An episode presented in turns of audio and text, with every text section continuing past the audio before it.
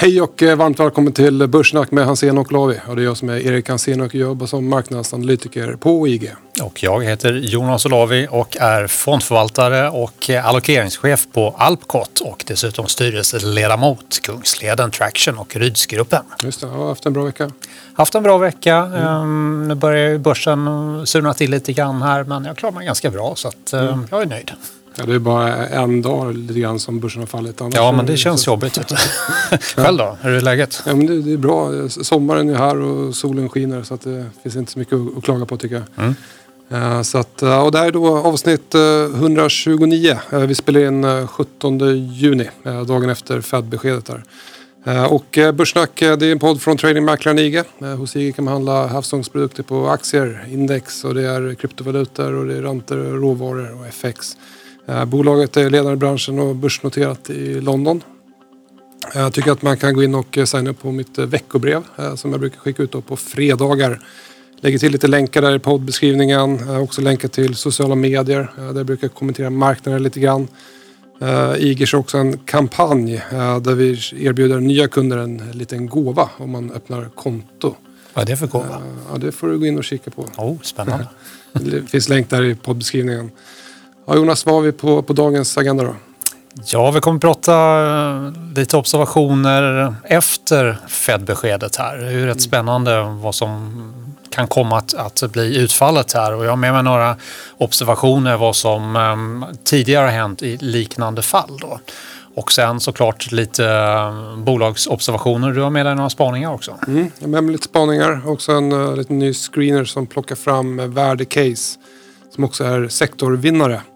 Eh, så den tänkte jag dela med mig av. Mm, spännande. Och vi har ju också med oss en väldigt spännande gäst. En uppskattad gäst. Uppskattad gäst. Ett kärt återbesök. Och det är Jonas från bloggen kortsikt.com.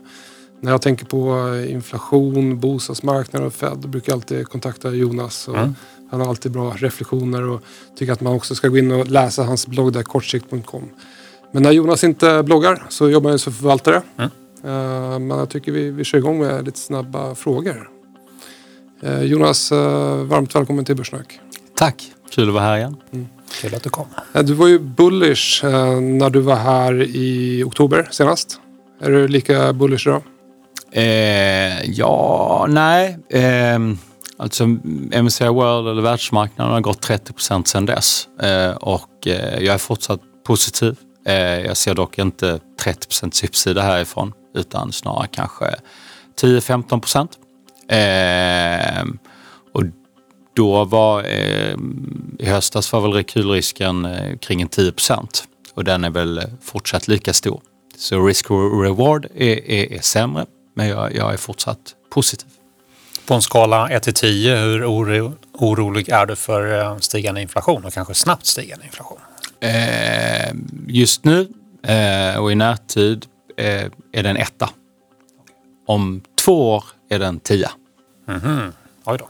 Kan gå snabbt med andra ord. uh, när eller om vi får en rekyl på aktiemarknaden, säg att vi får en rekyl på 5-10 procent. Uh, vilken sektor tror du kommer få mest stryk i en sån rekyl och vilken sektor tror du blir en relativ vinnare kommande kvartalet då efter en rekyl?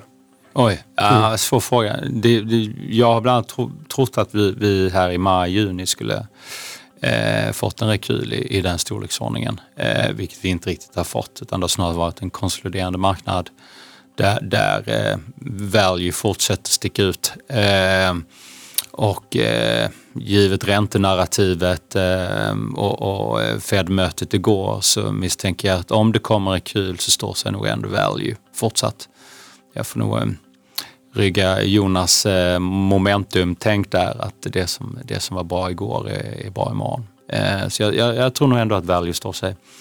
Eh, sen, är det, sen är det frågan i nästa eh, våg då efter en rekyl så eh, är jag inte helt säker på att det är value som kommer performa utan, utan eh, eh även om jag ser högre räntor i ett medellångt perspektiv. Dels till följd av tapering men även eh, ja, räntehöjningar eh, och stark konjunktur. Så, så, så eh, tycker jag att value traden är ganska eh, genomtvättad så att säga. Och, eh, om man, när man kokar ner och tittar på många bolag, den typen av vinsttillväxt de diskonterar på lång sikt. Begränsad uppsida. Jag tror man ska gräva i growth i, i, efter nästa rekyl. Vad är största hotet eh, för aktiemarknaden om vi bortser från tapering? Eh, jag skulle säga att, eh, eh, att vi inte når upp till vinstestimaten. Kanske inte så mycket i år, eh, men nästa år. Eh, och då tänker jag framförallt på, på hur, hur potentiella skattehöjningar slår igenom. Primärt i USA för att Biden har ganska eh, ambitiösa program som han vill lansera men de verkar liksom som om de är helt skattefinansierade. Eh, han räknar med eh, ett underskott eh, på 700-800 miljoner över en tioårsperiod. Eh, vilket är 70-80 eh, miljarder per år. Det är, det är liksom felräkningspengar. Så de här paketen på, på eh, 4 400 miljarder eh, som han eh, vill köra igenom, de är nästan helt skattfinansierade. Eh, så vi, vi, får se var det landar, både storleken på paket och storleken i, i skattefinansiering. Men, men eh, eh, det är möjligt att man idag är så glad över konjunkturutsikterna att man skriver upp vinstestimaten för högt och att skatten då kan slå hål på det. Eh, vinstestimaten, det finns också en risk att att eh, nuvarande prisinflation gör att eh, företagen då känner att de inte fullt kan höja priserna lika mycket ut mot kund. Eh, eftersom köpkraften till syvende och sist är eh, jobbskapande, löner och så vidare och att de inte riktigt, att köpkraften där från demandsidan på sikt inte kan möta prishöjningarna och, och, utan då blir det lägre volym och sämre, sämre marginaler. Eh, och, och, och, det finns klart ett hot mot marginalerna där nästa år som kan innebära att vinsterna inte riktigt når upp till estimaten. Om vi nu har för många analytiker som extrapolerar årets fantastiska vinster in i nästa. Vilket är en risk. Det, det brukar man göra. Extrapolering är ju min största fiende men det, det är många som sysslar med det i marknaden. Eh, bostadspriserna de fortsätter att eh, rusa. Vad tror du? Eh, bostadsmarknaden högre eller lägre om ett år? Marginellt lägre. Marginellt lägre, okej. Okay. Och det är en, en, en, egentligen, jag är, jag är inte en så stark liksom, syn på bostadspriset som enskild faktor. Men jag har en ganska eh, stark conviction i bostadsobligationen och vad som driver liksom den. Och jag tror att den kommer vara något högre. Och därför drar jag parallellen till att bostadspriserna är något lägre. Just det, och bostadsobligationer brukar vara ledande för priserna. Verkligen. Och du hade precis köpt hus, eller hur? Aj fan. All right, ja, men då kör vi. Då kör vi.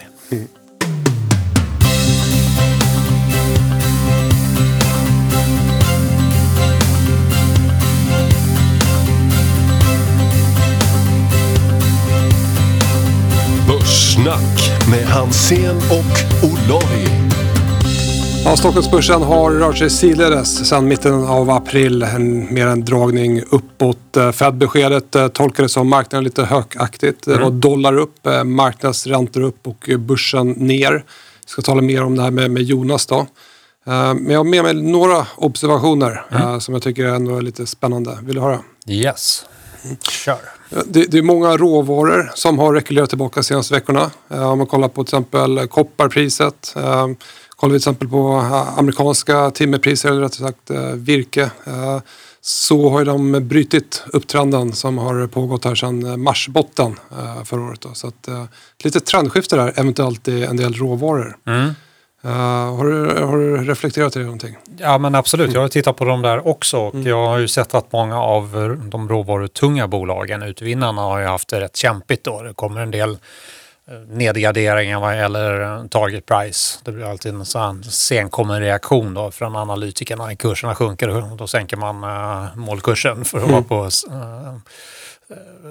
så att säga, på rätt sida där då. Men eh, jag har sett väldigt få upprevideringar på den senaste tiden, även om man nog får eh, liksom tro att det, den starka tillväxten kommer att skapa en allt större efterfrågan på det. Så att det är lite märklig rörelse och det känns som marknaden tradar olika teman sådär. Mm. Hur det, känner du på? Nej, men det är många olika teman inom olika teman. Mm. Uh, om man kollar på den här reflationstraden uh, som uh, fick fart på många värdeaktier. Mm. Den tog en paus för några månader sedan. Nominella lång, långräntor har backat tillbaka men nu börjar de återigen börja stiga här på, på Fed-beskedet. Mm.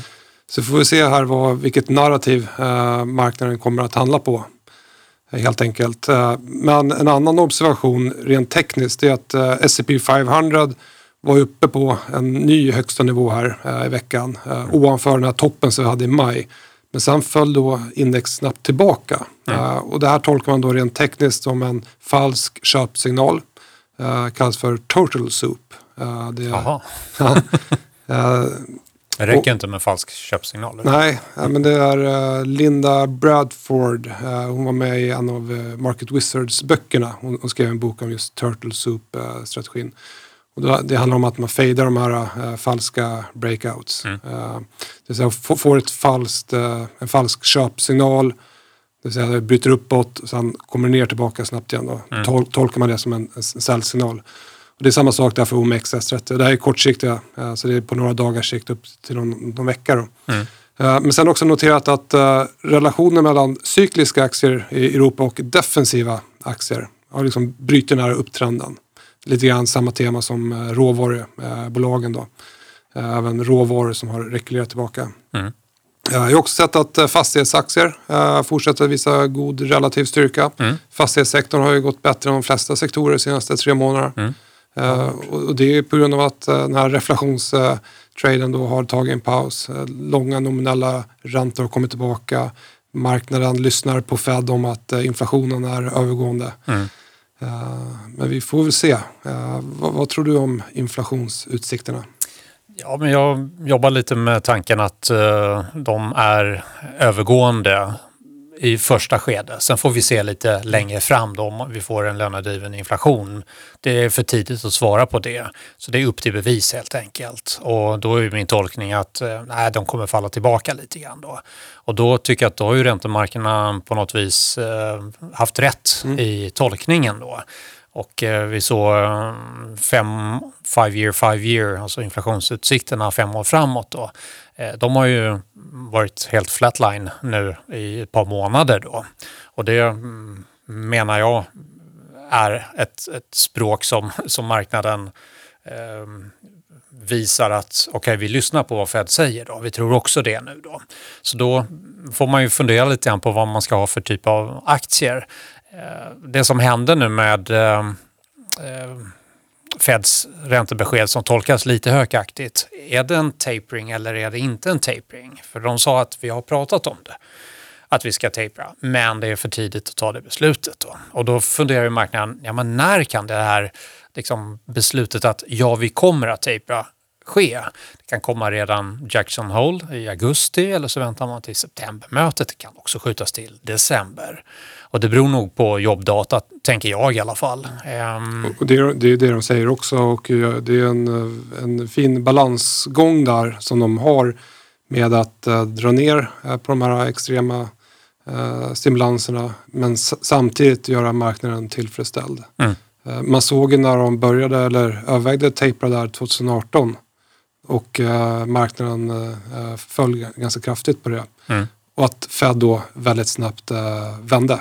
Just det. Eh, och eh, tog tillbaka det. Mm, precis. Eh, så att det är en balansgång där som de har. Jag tycker ändå de är väldigt bra på att kommunicera med marknaden. Mm. En sak som jag har ehm, liksom, tänkt kring det är korrelation då mellan olika tillgångslag. Jag jobbar ju som allokerare också och då får man fundera hur mycket aktieräntor ska man ha. Nu är korrelationen mellan aktier och räntor positiv. Och utifrån ett portföljbyggarperspektiv så är det dåligt. Mm. Ehm, och då blir det tuffare att ha en typ en 60-40 portfölj. Eh, det är tuffare för risk parity-fonder då. Och en risk parity-fond jobbar med att uh, ha samma volatilitet i alla tillgångslag. Det innebär att uh, tillgångar med låg volatilitet gearar man upp då. Så det här blir väldigt svårt att balansera då. Eh, så att risken är ju att om någonting händer då kommer man få stryk i båda benen. Som vi fick till exempel under pandemins värsta tid. Det fanns ingenstans att gömma sig. Mm. Och det här är ju ett litet varningstecken eh, som man som allokerare funderar ganska mycket kring då. Eh, vilken typ av positionering ska man ha när man inte riktigt kan få en portföljdiversifiering på det sätt som det är tänkt då. Jag har inte kommit på mm, liksom, klon än, men det gäller att vara lite alert här och se vilka teman som gäller här nu över sommaren, tänker jag. Då. Mm. Jag kommer ihåg när, när Fed då eh, körde tapering 2013-2014 2014 då när konjunkturen fortsatte gå, gå mm. starkt och det var en god riskaptit i marknaden. Då gick ju både obligationer och aktiemarknaden bra där 2014. Ja, absolut. Men när de började kommunicera att de skulle tapera då var det ju lite mer högre volatilitet på, på aktiemarknaden och uh, obligationer uh, mm. sålde av då. Mm. Uh, men jag vet inte vilka, vilka sektorer. Ja generellt sett så kan man säga att när um, taperingen skedde då, 2013, då gick uh, utvecklade marknader bättre än emerging markets. Så emerging markets var lite sådär, um, inte speciellt intressant att, att uh, investera i. Räntorna steg, men föll tillbaka sen när taperingen väl började genomföras. Och dollarn kanske steg också, vilket pressade Den gav faktiskt ingen klar uh, riktning under den här perioden. Då. Eh, man kan ju tänka sig att högre räntor ökar attraktiviteten att köpa amerikansk guld, men det var inte sådär eh, så entydigt. Mm. Och eh, guld och råvaror de gick sidledes och ner faktiskt under den här perioden. Då. Och från beskedet om tapering till taperingen började så gick cykliska bolag starkt och starkare än defensiva bolag framförallt i EU där finans, industri, sällanköp gick bra. Dagligvaror och fastighet gick sämre under den här perioden. Då. Och 6 till 12 månader efter beskedet, eh, men innan genomförandet, så börjar cykliska aktier att underperforma. Kanske är det det vi redan ser mm. just nu. Det är lite intressant här om man tittar på vad som hände tidigare. Eh, och mining och energi utvecklades svagt i perioden från tapering-beskedet tills det genomfördes. Då. Och sen efter att man har börjat eh, tapera, 6 till 12 månader efter det här, så var defensiva aktier vinnare. Och cykliska aktier laggade eh, ganska mycket då. Och värdebolag började tappa mot tillväxt. Tillväxt blir intressant igen. Mm. Så här finns flera typer av så att säga, trender och funderingar nu att eh, liksom fundera kring. Och eh, i för, förra podden Eh, när du inte var med då så, så, beskrev jag hur min momentumfond ser ut. Och momentum tvättas hela tiden. Det är bolag som kommer in och bolag som kommer ur. Då. 50% av min portfölj är valuebolag, 50% är tillväxtbolag. Så att det säger ju också någonting om eh, vad det är för typ av eh, så att säga, dynamik i marknaden. När man gjorde en omrebalansering av eh, US Momentum indexet, då förändrades det 68 procent. Det är en ganska stor rotation. Ja, tech eh, kom ner ordentligt i vikt där och finans eh, blev den största eh, sektorn där i momentum ETF-erna. Ja. Ska jag berätta vad jag har gjort i portföljen? Jag har ja, inte gjort så mycket, men jag har gjort en liten förändring. Ja, men jag, jag tjuvlyssnade lite grann när du var med i uh, Dagens Industri där. Mm. Tyckte jag hörde, var det Goldman Sachs och American Express? Precis. Det var något kreditkort som skulle glöda. glöda. Exakt, men sen så gjorde jag faktiskt en uh, liten späck inför um, H&M's rapport tänkte den kommer nog in ganska bra. Så jag köpte dagen innan och sen kom de in och um, jag var glad. Två tillfällen på dagen. Precis på öppningen då den gick upp lite grann och sen så eh, kring lunch där var den också upp lite grann. Men sen gick den ju ner där. Ehm, jag tyckte att eh, rapporten i sig, det var ju försäljningssiffrorna som de presenterade. Och det som man ska bära med sig där, eller som jag gjorde i alla fall, det var att ehm, försäljningen var upp med 2-3 procent för juni motsvarande vad den var Eh, 2019.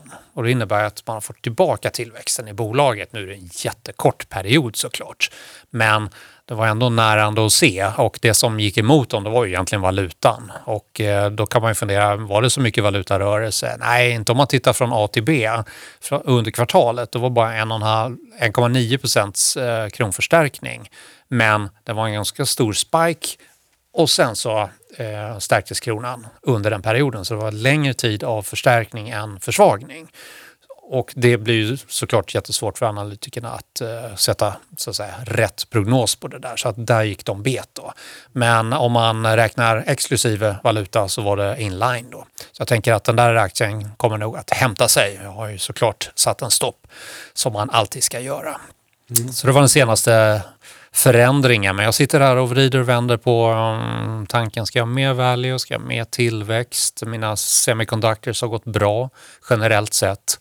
Men sen är det lite blandat i mm, övriga tillväxtdelen eh, mm, eh, i portföljen. Då. Ett bolag som kanske är lite för litet för dig eh, i din fond där, men B3 Consulting Group, eh, lutade en graf där på Twitter här i veckan det här är en aktie som har gått eh, relativt svagt sedan 2018. Eh, sen senaste året egentligen bara rört sig sidledes i någon så konsolidering. Mm. Och nu brutit uppåt från den här fasen. Eh, så jag tolkar det här utbrottet som, som väldigt positivt och också brutit upp över den här en Fibonacci-nivå som jag tolkar som ett motstånd. Och där aktien också vänt ett flertal gånger tidigare. Så nu har utbudet bytt händer där i den aktien. Så där tycker jag man kan kika in på eh, B3 Consulting Group. Mm. Eh, jag vill också dela med mig av en, en screener. Ja. En, eh, en screener som, som är relativt ny. Där jag, jag, jag, jag kollar då på det är vinsttillväxt, det är marginaler, det är avkastning på investment och på equity. och sen tar jag dessa i förhållande mot sektorn mm. för att ta fram då de, de bästa i, i, de olika sektorerna. Mm. Jag är också med just att uh, aktien ska också uh, ha gått bättre än sektorn den senaste månaden. Mm. Jag kallar det här screenen för uh, värde plus sektorvinnare. Ja. och här har vi bolag som Troax, Kambi, Nobina, Paradox, Sweden Care, SCT, Axfood, AQ Group, Novotech, Holmen, Railcare Group, Piab, eh, Kindred, eh, några bolagen. Jag kommer också lägga ut den här listan i mitt veckobrev som skickas ut på fredagen. Eh, så eh, det är en screener som, som jag börjar kolla på mer och mer och som jag kommer att använda mig av. Mm. Det blir intressant att titta på. Det här är bolag som jag liksom känner igen i mina egna screeningar men mm. som jag inte har investerat i. Ehm, så att det kanske kan skapa lite inspiration. Så det tackar jag för såklart. det ska jag titta in noga på. Ja, har något mer eller ska vi gå? Ja, jag har en avslutande ja, sak innan vi bjuder in Jonas. Trevligt. Och det är att Alpcot ska till börsen. Nej, jo. grattis. Det är så att um, Fnet-plattformen köper Alpcot AB och Alpcot Capital Management via ett nybildat bolag och förbinder sig att investera 10 miljoner kronor. Då. Och det här kommer sedan då att genomföras som en kvittningsemission. Och då kommer Alpcots ehm, aktieägare att äga 83,3 procent av bolaget och Fnet-plattformens aktieägare kommer äga 16,7 procent efter den här emissionen är klar och vi kommer, Alpcot alltså, kommer också genomföra en riktad emission på 40 miljoner kronor till kvalificerade investerare. Så är man kvalificerad investerare som lyssnar på det här så kan man gärna ta kontakt med oss också eh, för det ändamålet och sen så under Q3 efter att emissionerna är klara så kommer vi att notera bolaget på NGM. Trevligt. Kul. Ja, grattis Jonas. Får vi köra teknisk analys på den sen. Det tycker jag vi ska göra. När vi får lite mer historia att gå på. Exakt. Nej, men nu tycker jag vi bjuder in Jonas. Helt det gör vi.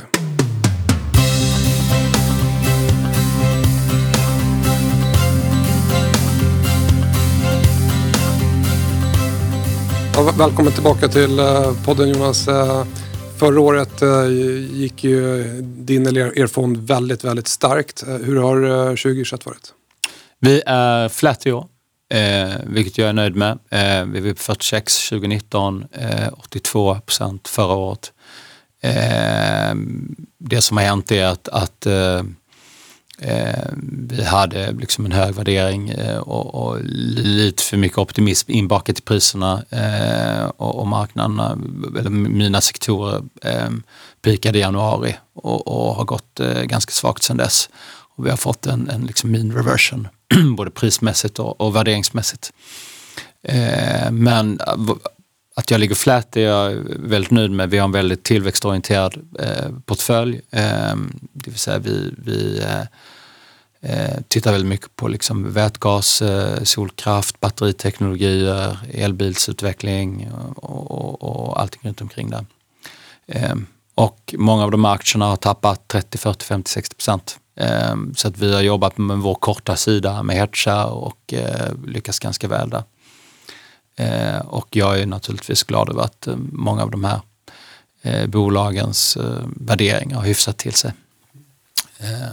Om man tittar på temat för stunden, och vi har ju pratat om det här länge i podden med flera poddar, inflation. Det är på alla släppar. Du sa att du var inte speciellt orolig i de snabba frågorna, men har man haft fel? Har man helt bortsett från det här eller överdramatiserar man inflationens comeback? Vad tror du? Jag tror ganska mycket som eh, det Fed är inne på, att den inflationen vi ser nu är, är temporär. Ehm, och, och, den, har, den är väldigt kopplad till liksom pandemin. Ehm, ehm för det första, alltså kärninflationen mätt som CPI i USA ligger på 3,8. Ehm, PCI, ett annat mått som Fed följer, ligger på drygt eh, eh, några tiondelar lägre. En stor del av det är ju egentligen baseffekter. Det vill säga att du tar en, en inflationssiffra idag och jämför med en väldigt låg siffra förra året. Så hyfs, liksom normaliserar du baseffekten så kan du slå av ungefär eh, 1 procent. Så mycket är baseffekt. Men, men sen eh, vidare går det att relatera mycket till temporära effekter. Eh, begagnat bi, begagnade bilar har ju gått starkt i USA och även i Sverige. Eh, och jag kommer från en, en skånsk bilhandlarfamilj Eh, och jag tänker inte starta en fond som, som investerar i begagnade bilar, så mycket kan jag säga. Så det är ingen uthållig effekt. Eh, hyror utgör en stor del av eh, i USA, eh, inflationskorgen. Och de har följt med eh, bostadspriserna upp lite grann. Så att säga. Man kan ta bättre betalt för en hyra när alternativet att köpa är, är, blir dyrt och många inte kommer in i marknaden. Eh, och det fenomenet ser vi ju även här i Stockholm. Eh, men det är också en övergående effekt om inte bostadspriserna stiger, vilket de inte kommer att göra eftersom räntorna eh, inte är på väg ner längre. Utan snarare åt andra hållet. Eh, och sen, eh, jag tittar på en rapport från Goldman där de liksom tvättade, tvättade inflationssiffrorna för liksom verkligen pandemins eh, effekter där man tittar liksom på businesses som öppnar upp nu och, och, och som passar på att höja priserna och så här, för att försöka ta igen. Och, och, eh, när de väl tvättade den då, då såg de att, att Core PCI ligger någonstans mellan 1,5 och 2 procent. Och det är ju lite vad Fed eh, liksom säger också, det här är temporärt, den kommer komma ner. Mm. Bryter man ner det i ett efterfråge, demand supply resonemang så, så Eh, tittar på demandsidan så har ju den eh, drivits väldigt mycket av eh, stimulanser, budgetunderskott. I USA över 20 procent av BNP i budgetunderskott checkar ut till folk som spenderar. Vi har haft pent-up demand sen, sen, sen pandemin, det vill säga man höll igen på inköp som man nu känner sig nödgad att göra samtidigt som då alla de andra vanliga köpen driver på. Eh, räntekostnaderna eh, sjönk ju som en sten i samband med Fed sänkte. De, det är de som slår igenom här och nu. Man har mer pengar att lägga till annat än räntor. Men ränteeffekten klingar ju av om ett år eh, som en year on year effekt. Eh, sparkvoten, det vill säga hur stor andel av lönen, man, disponibelinkomsten man faktiskt eh, konsumerar upp, den, den, eh, man ökade sparandet under pandemin, man blev rädd och den faller nu tillbaka. Eh, man går tillbaka till sina gamla mönster. Eh, och det, det reptricket gör man ju också bara en gång. Så att mycket av demandsidan är, är väldigt temporärt. Ehm, på supply-sidan känner ni ju till alltså, pandemin ströp man produktionen. Eh, dels för man var rädd för lågkonjunktur, dels därför att folk inte kom till fabrikerna. Ehm, och eh, lagren sjönk. Eh, vi har komponentbrist, råvarubrist, eh, flaskhalsar i produktion och så vidare. Ehm, och I många länder har vi fortfarande restriktioner kvar som gör att fabrikerna inte kan gå på högtryck. Allt detta är också övergående.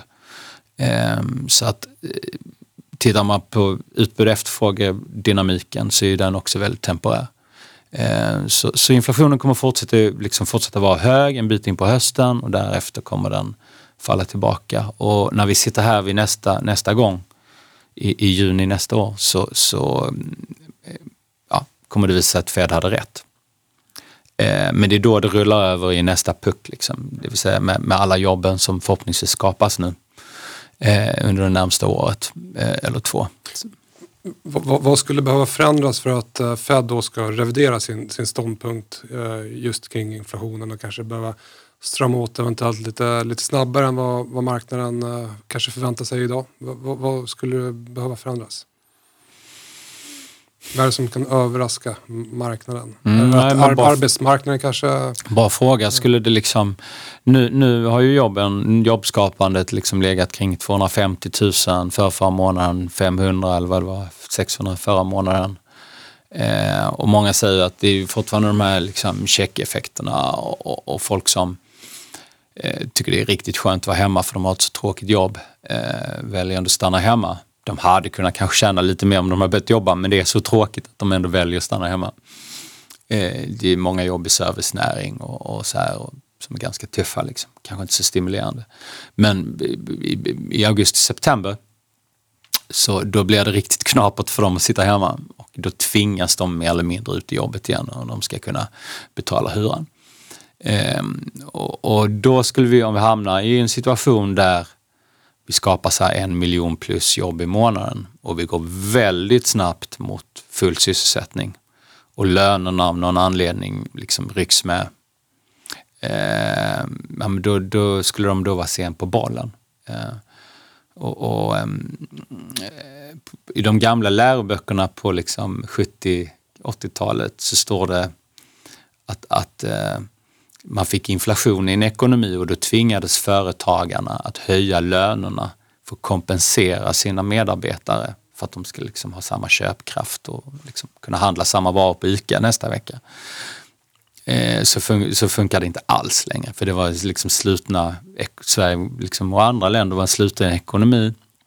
Eh, så det, det, är- det är liksom inga arbetsgivare där ute som är schyssta och höjer lönen för att eh, priserna har gått upp. Liksom. Eh, för att de, de, de höjer priserna för att hantera inköp, högre inköpskostnader så att säga. Så de gör ju allt för att hålla ner lönerna. Utan, ehm, men, men visst skulle vi få spillover effects från prisinflation mot löner. Ehm, då, då ligger också Fed fel, men den risken är väldigt liten. Lönerna är det som driver, det är tvärtom, lönerna driver pris, priserna för att det, det är när arbetsmarknaden blir tight. När du inte längre kan anställa någon från gatan och det, man får liksom plocka över någon från konkurrenten och erbjuda några liksom 100 dollar extra. Det är det som driver, det är det som driver en löneinflation, en tajt arbetsmarknad. Och företagen som vill tjäna lika mycket pengar eller helst mer i år jämfört med nästa, de ser ju då hur lönerna går upp och eh, blir då nödgade att höja priserna ut mot kund. Och det är då du får den här klassiska löneinflationsspiralen som Fed sen kommer att agera på. När man tittar på eh, ränteutvecklingen så har ju så att säga, uppgången stannat av och sen så börjar det falla. Nu ser det ut som det är en liten fiskkrok igen. Har marknaden handlat rätt? Eh, för jag tänker att de långa räntorna sätts ju av marknaden som eh, eh, ska jag säga, ett signum på vad de tror att centralbankerna kan leverera i form av eh, ja, inflation och tillväxt och så vidare. Ja, men du vet väl Jonas att, att räntemarknaden är alltid smartare än vad vi är, vi är aktiekillar. och eh, givet att liksom tioåringen eh, ligger kring en och en halv och, och, och eh, ja, korträntorna ligger där de ligger så, så säger ju räntemarknaden att Fed har rätt. Inflationen är temporär, den kommer falla tillbaka. Eh, men givet att jobben eh, rullar på och vi har en fortsatt god ekonomi så, så kommer inflationen tillbaks. Så att säga. Och det, det är när vi gör, det är när det händer som vi får nästa liksom, ben uppåt på långräntorna. Och givet Mot då, 3%. givet då din eh, syn på inflationen, att den styrs väldigt mycket av eh, baseffekter och temporära eh, effekter här och att den ska komma tillbaka lite grann i den typen av miljö.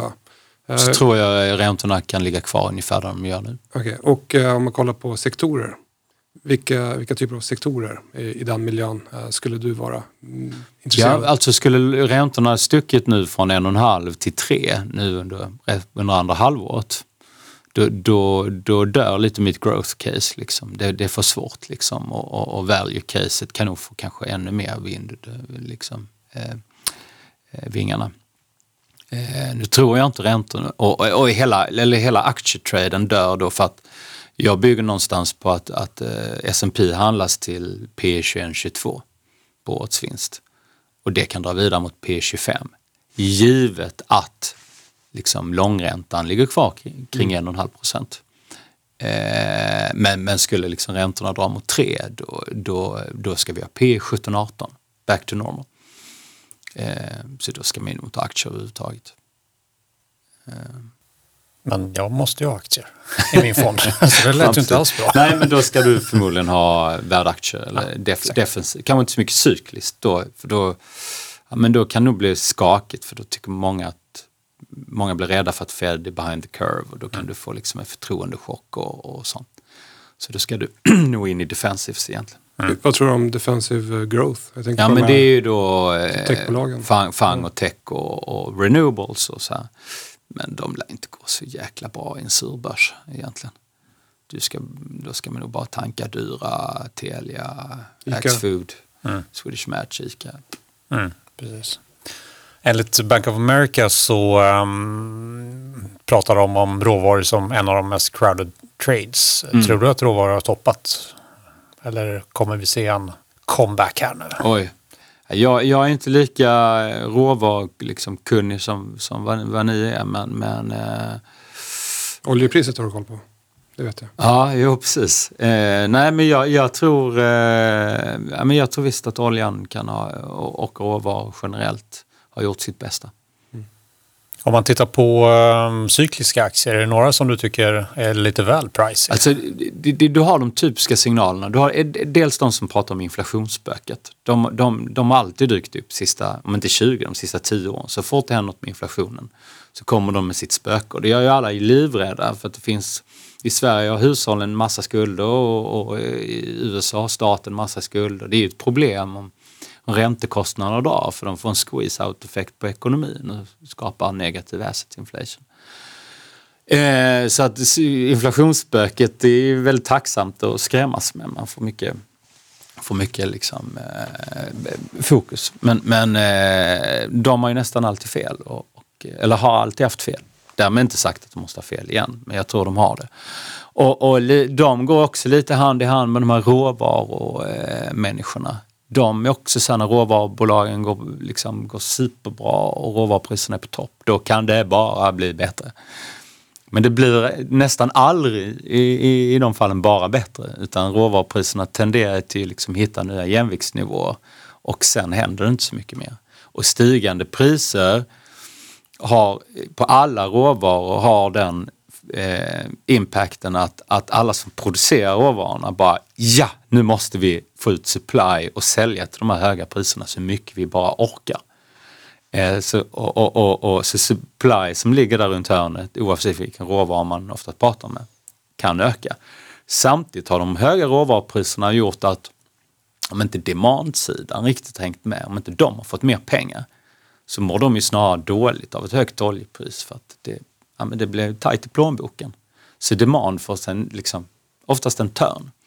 Så att om man får extrapolera ut 12 månader så borde base case nästan alltid vara att demand supply byter plats. Mm. Så att eh, ja, det är svårt med tajmingen. Men det, jag, jag... Det, det, bästa botemedlet för höga råvarupriser är just höga råvarupriser. Eftersom det, Exakt. Eftersom det kommer ut massa Jag blir långrandig. Jag, det, det... men, eh, men jag tänker också på just, uh, om vi fortsätter lite grann med oljepriset där. Uh, en defensiv sektor, eh, enligt många olika kategoriseringar, eh, ETFer och så vidare, det är faktiskt energi. Eh, det kan man tycka är lite konstigt med tanke på att energibolagen brukar vara volatila och, och så vidare. Men samtidigt så brukar faktiskt också energibolagen gå relativt starkt under perioder när aktiemarknaden gått svagt. Och det är ofta då när inflationen har tagit fart eh, och sent i cykeln då brukar också oljepriset stiga. Kanske det vi ser nu också. Att oljepriset laggar lite grann. För oljepriset fortsätter nu stiga. Eh, timmerpriset har rekylerat ordentligt. Eh, kopparpriset har rekylerat tillbaka.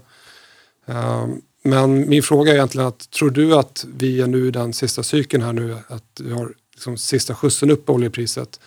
Eller att det kanske kommer lite senare om några kvartal när ditt scenario då går in att inflationen tar fart ordentligt. Att då eh, oljepriset kan fortsätta uppåt. Um Mm, det handlar väldigt mycket om hur OPEC hanterar eh, lagernivåerna där ute. Mm. Oljepriset är extremt känsligt för lagernivåerna, vilket egentligen är då en funktion av utbud och efterfrågan. Eh, men jag, jag, jag tror eh, liksom eh, och, och, efterfrågan har ju på något sätt pikat och kommer liksom röra sig neråt. Kanske inte så snabbt som vi hoppas på, eller vi som som då investerar i alternativ energi. Eh, men men, eh, nej, men jag tror inte man ska hoppas på eh, så mycket högre oljepriser, även vid nästa inflationsrörelse. Utan jag tror snarare på, på eh, sidledes. Mm. Sen har du också hållbar, hållbarhetstrenden som talar emot eh, ja. många av oljebolagen. Om vi återvänder till bostadsmarknaden så har du varit klok och liksom beskrivit en modell som du använder för att försöka pejla lite grann var priserna är på väg och du nämnde att du inte tror på så mycket mer uppsida. Kan du beskriva hur du ser, hur ser din modell ut för att du ska kunna navigera? Den utgår från att eh, eh priserna på bostäder sätts utifrån eh, storleken på lån vi får av banken. Eh, och, och, och, eget kapital styrs ju då, om vi säljer en bostad, styrs i sin tur av vad den köparen av den, bostad, eh, av den eh, bostaden köptes för så att säga. Och mm. den köparen beror ju på sitt banklån så att säga. Och banklånens storlek sätts utifrån lånelöftena. Eh, och i, i lånelöftena finns det ett gäng parametrar fast där kalkylräntan och inkomst är de två viktigaste. Och, och inkomsterna växer i Sverige med ungefär 2% 2,5 om året. Så vi, vi, liksom, det går långsamt där, så vi kan räkna bort dem och då har du kvar kalkylräntan. Och trattar du ner den så är det egentligen en funktion av eh, bostadsobligationen som då finansierar långa lån och, och, och sen ligger de till grund för kalkylräntan med ett, med ett påslag, ett marginalpåslag. Så när bostadsobligationen rör sig upp och ner så rör sig kalkylräntan upp och ner. Det beviljas då olika storlekar på, på, på lån. Mm. Obligationen är, är helt avgörande för priserna. Brukar leda med hur många månader ungefär? Förr, i tiden ledde den säkert med ett år. Men jag skulle säga att det är ner på fyra, fyra sex månader nu. Och den, har, eh, den bottnade kring, den femåriga svenska bostadsobligationen bottnade kring 0 procent. Eh, den var tidigare uppe mot 05, 06, 07. Alltså innan pandemin och sen så gjorde Fed vad de gjorde, drev ner alla räntorna i världen. Den sjönk till noll. Det har beviljat större lån och det har gjort att bostadspriserna har kunnat öka. Sen är det klart, hade vi haft 25% arbetslöshet, då hade vi ju liksom, då hade ju inkomsterna mm. försvunnit. Så då hade det ju inte funkat ändå. Liksom. Men, men eftersom vi har haft eh, korttidspermittering och, och, och många behållit sina jobb så har ju liksom ja, kalkylerna funkat och därför har vi haft en stigande eh, bostadsmarknad. Mm. Men den är nere på noll och jag tror om jag då liksom extrapolerar ut vad jag ser Fed kommer göra, det vill säga inleda tapering nästa år, höja första gången eh, räntan i september eh, 2023 eh, vad det innebär för amerikanska räntor, hur de smittar över på europeiska räntor, hur det smittar över på svenska räntor och sen förhållandet mellan svenska statslåneräntor ner på bostadsobligationen som är då nästa steg i risktrappan egentligen. Då tror jag att den här bostadsobligationen i första hand eh, ska röra sig mot, eh, tillbaks mot 0,5. Just det. Eh, så det skapar en viss press på kanske 5-7 procents nedsida. Mm. Det står det 0,13 drygt. 0,13 På tal om noll så kan du nu investera i grekiska eller femårsobligationer till räntan noll. Mm. Är det någonting som du ser som en attraktiv investering? ja, men de är ju lägre än de italienska. Här. Det är, ja. helt fantastiskt. Nej, men alltså, det kan gå hur som helst för grekiska ekonomin. Det spelar ingen roll. De ligger under ECBs beskydd. Mm. Eh, och allting när vi har facit i hand så handlar det allting om att eh, eh, försvara valutaunionen och euron Mm. och visa att det, är liksom, att det är en lika bra valuta som dollarn. Och då kan man inte ha en liten skitekonomi som Grekland som går omkull och, och förstör förtroendet för eh, den europeiska valutan. Mm. Och det var ju det Draghi liksom, med besked visade.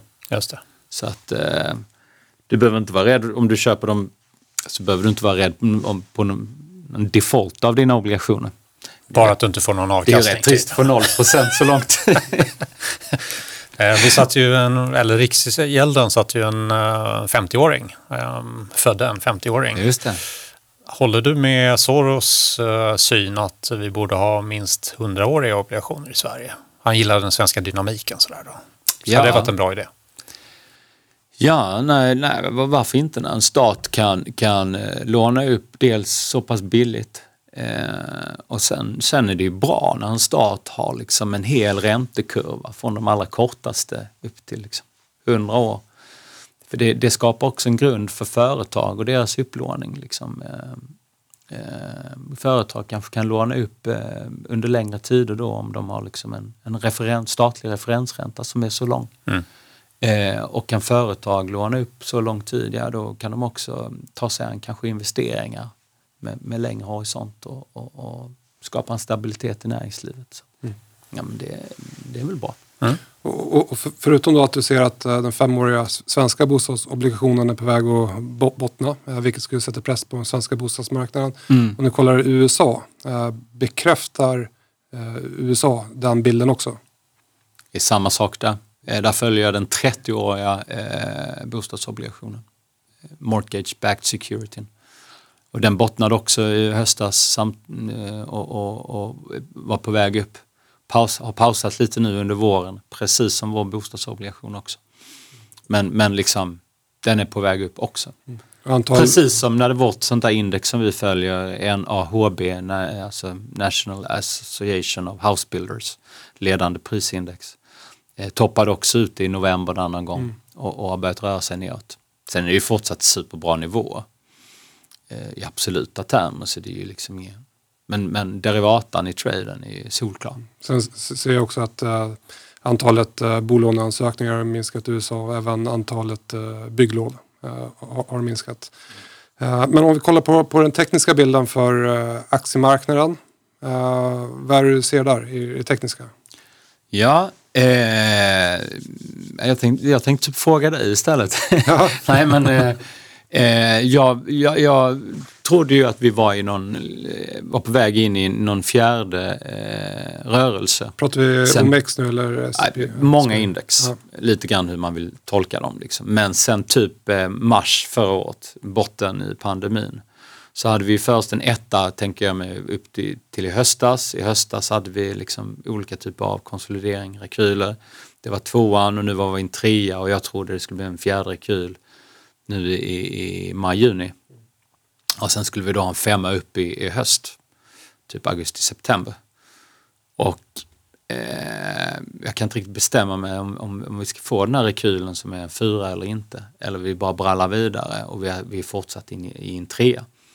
För då skulle piken i trean vara då toppen i augusti-september. Och sen eh, får vi en fyra istället i oktober som är säsongsmässigt. En, en trea brukar ju ofta vara en, en stark eh, uppgång där vi får väldigt sällan rekyler. Så det skulle i så fall stämma överens med ditt scenario där. Att det kanske är en trea som ska Det är fortsätta. det trean är, den har ju pågått så länge, den är ju sedan i oktober förra året i princip. Eh, Men du menar att den kan vara, pågå ett helt år? Nej men något kvartal till. En trea brukar ofta vara den längsta vågen där så att det Mm. vore inte osannolikt. Nej, intressant. Ja, eh, jag vet att du har eh, en eh, dejt med din mor så att vi ska släppa dig. Men vi vill veta, vad kommer du göra i sommar då? Det blir eh, eh, hemester. Jag tillbringar min tid i Skåne, precis, som, precis som du Jonas. Det är härligt. Trevligt, då ses vi där. Absolut. Tack för att du kom. Tack så mycket. Tack för att du kom. Lycka till. Tack.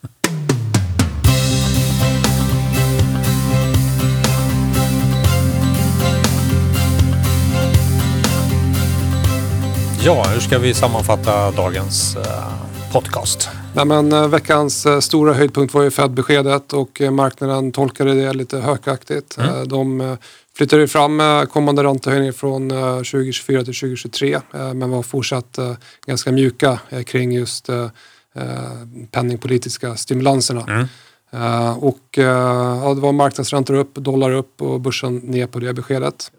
Vi pratade lite grann om eh, vilka sektorer och sådär som eh, brukar gå starkt olika tidsperioder i samband med, med tapering. Eh, Kan du upprepa? Ehm, cykliska bolag ehm, börjar starkt och eh, jämfört med defensiva bolag eh, och främst kan man då titta på EU där finansindustri sällanköp eh, går bra och det kan jag vittna om i min portfölj där finansbolagen, bankerna helt enkelt, går väldigt bra. Och, och det är från och med att centralbanken då börjar kommunicera. Precis, Tapering. exakt. Och där är vi inte riktigt ännu. Där är vi inte riktigt än då, men ehm, Snart kanske. Efter taperingen så, ehm, och 6 till 12 månader efter, ehm, då har ehm, um, Söterbladsdagarna tagit slut för cykliska aktier och istället så blir det mer defensiva aktier som eh, eh, blir vinnare. Och eh, värdebolag börjar också tappa mot tillväxt. Så det är någonting att fundera på när man då ska sitta och allokera. Mm, marknaden är ju framåtblickande och prisar in innan saker och ting händer. Eh, Sen hade vi ett samtal med eh, Jonas från bloggen kortsikt.com. Eh, Han var inte jätteorolig för inflationen på kort sikt. Nej. Men på, på lite längre sikt så var han lite mer orolig, så- Mm. så, som jag tolkar det. Ja, och lite grann att det skulle kunna bli en lönedriven inflationsspiral. Det var väl det som stack ut mest där. Och han var inte riktigt lika positiv som han var när han var här senast. Börsen har gått 30 procent sedan dess så det är klart att risk-reward då var lite sämre menar han på. Ehm, och han menar också på att eh, förmodligen så kommer um, huspris eh, generellt sett att, att eh, liksom plana ut och kanske till och med falla lite grann då. Precis, och där använder han sig av den här femåriga bostadsobligationsräntan som en indikator. Mm. som han då tyckte ledde bostadspriserna med 4 till 6 månader och han tycker att den börjar bottna ur. Eh, och jag, ser samma sak när jag chartar eh, just den obligationen i min Mm. terminal. Då. Mm. Så håller den på att vända uppåt och det är såklart negativt för bostadspriserna. Just det. Och var kan man följa Jonas om man vill läsa mer på hans blogg? Ja, men kortsikt.com Mm. eh, tycker jag. Ehm, att man ska lägga som bokmärke i sin webbläsare. Mm. Och han förvaltar också en fond hos Proxy P. Just det. Ja, väldigt spännande. Jag tycker vi rundar av eh, sändningen här idag. De bolag som nämns och eventuella fonder är inga rekommendationer utan observationer. Ha en riktigt varm och skön helg. Mm. Och det var ett tag sedan vi poddade Jonas tillsammans. Det var två veckor sedan. Eller? Det var det. Jättekul att vara tillbaka. Ja, du är så välkommen tillbaka. Trevlig helg. Trevlig helg.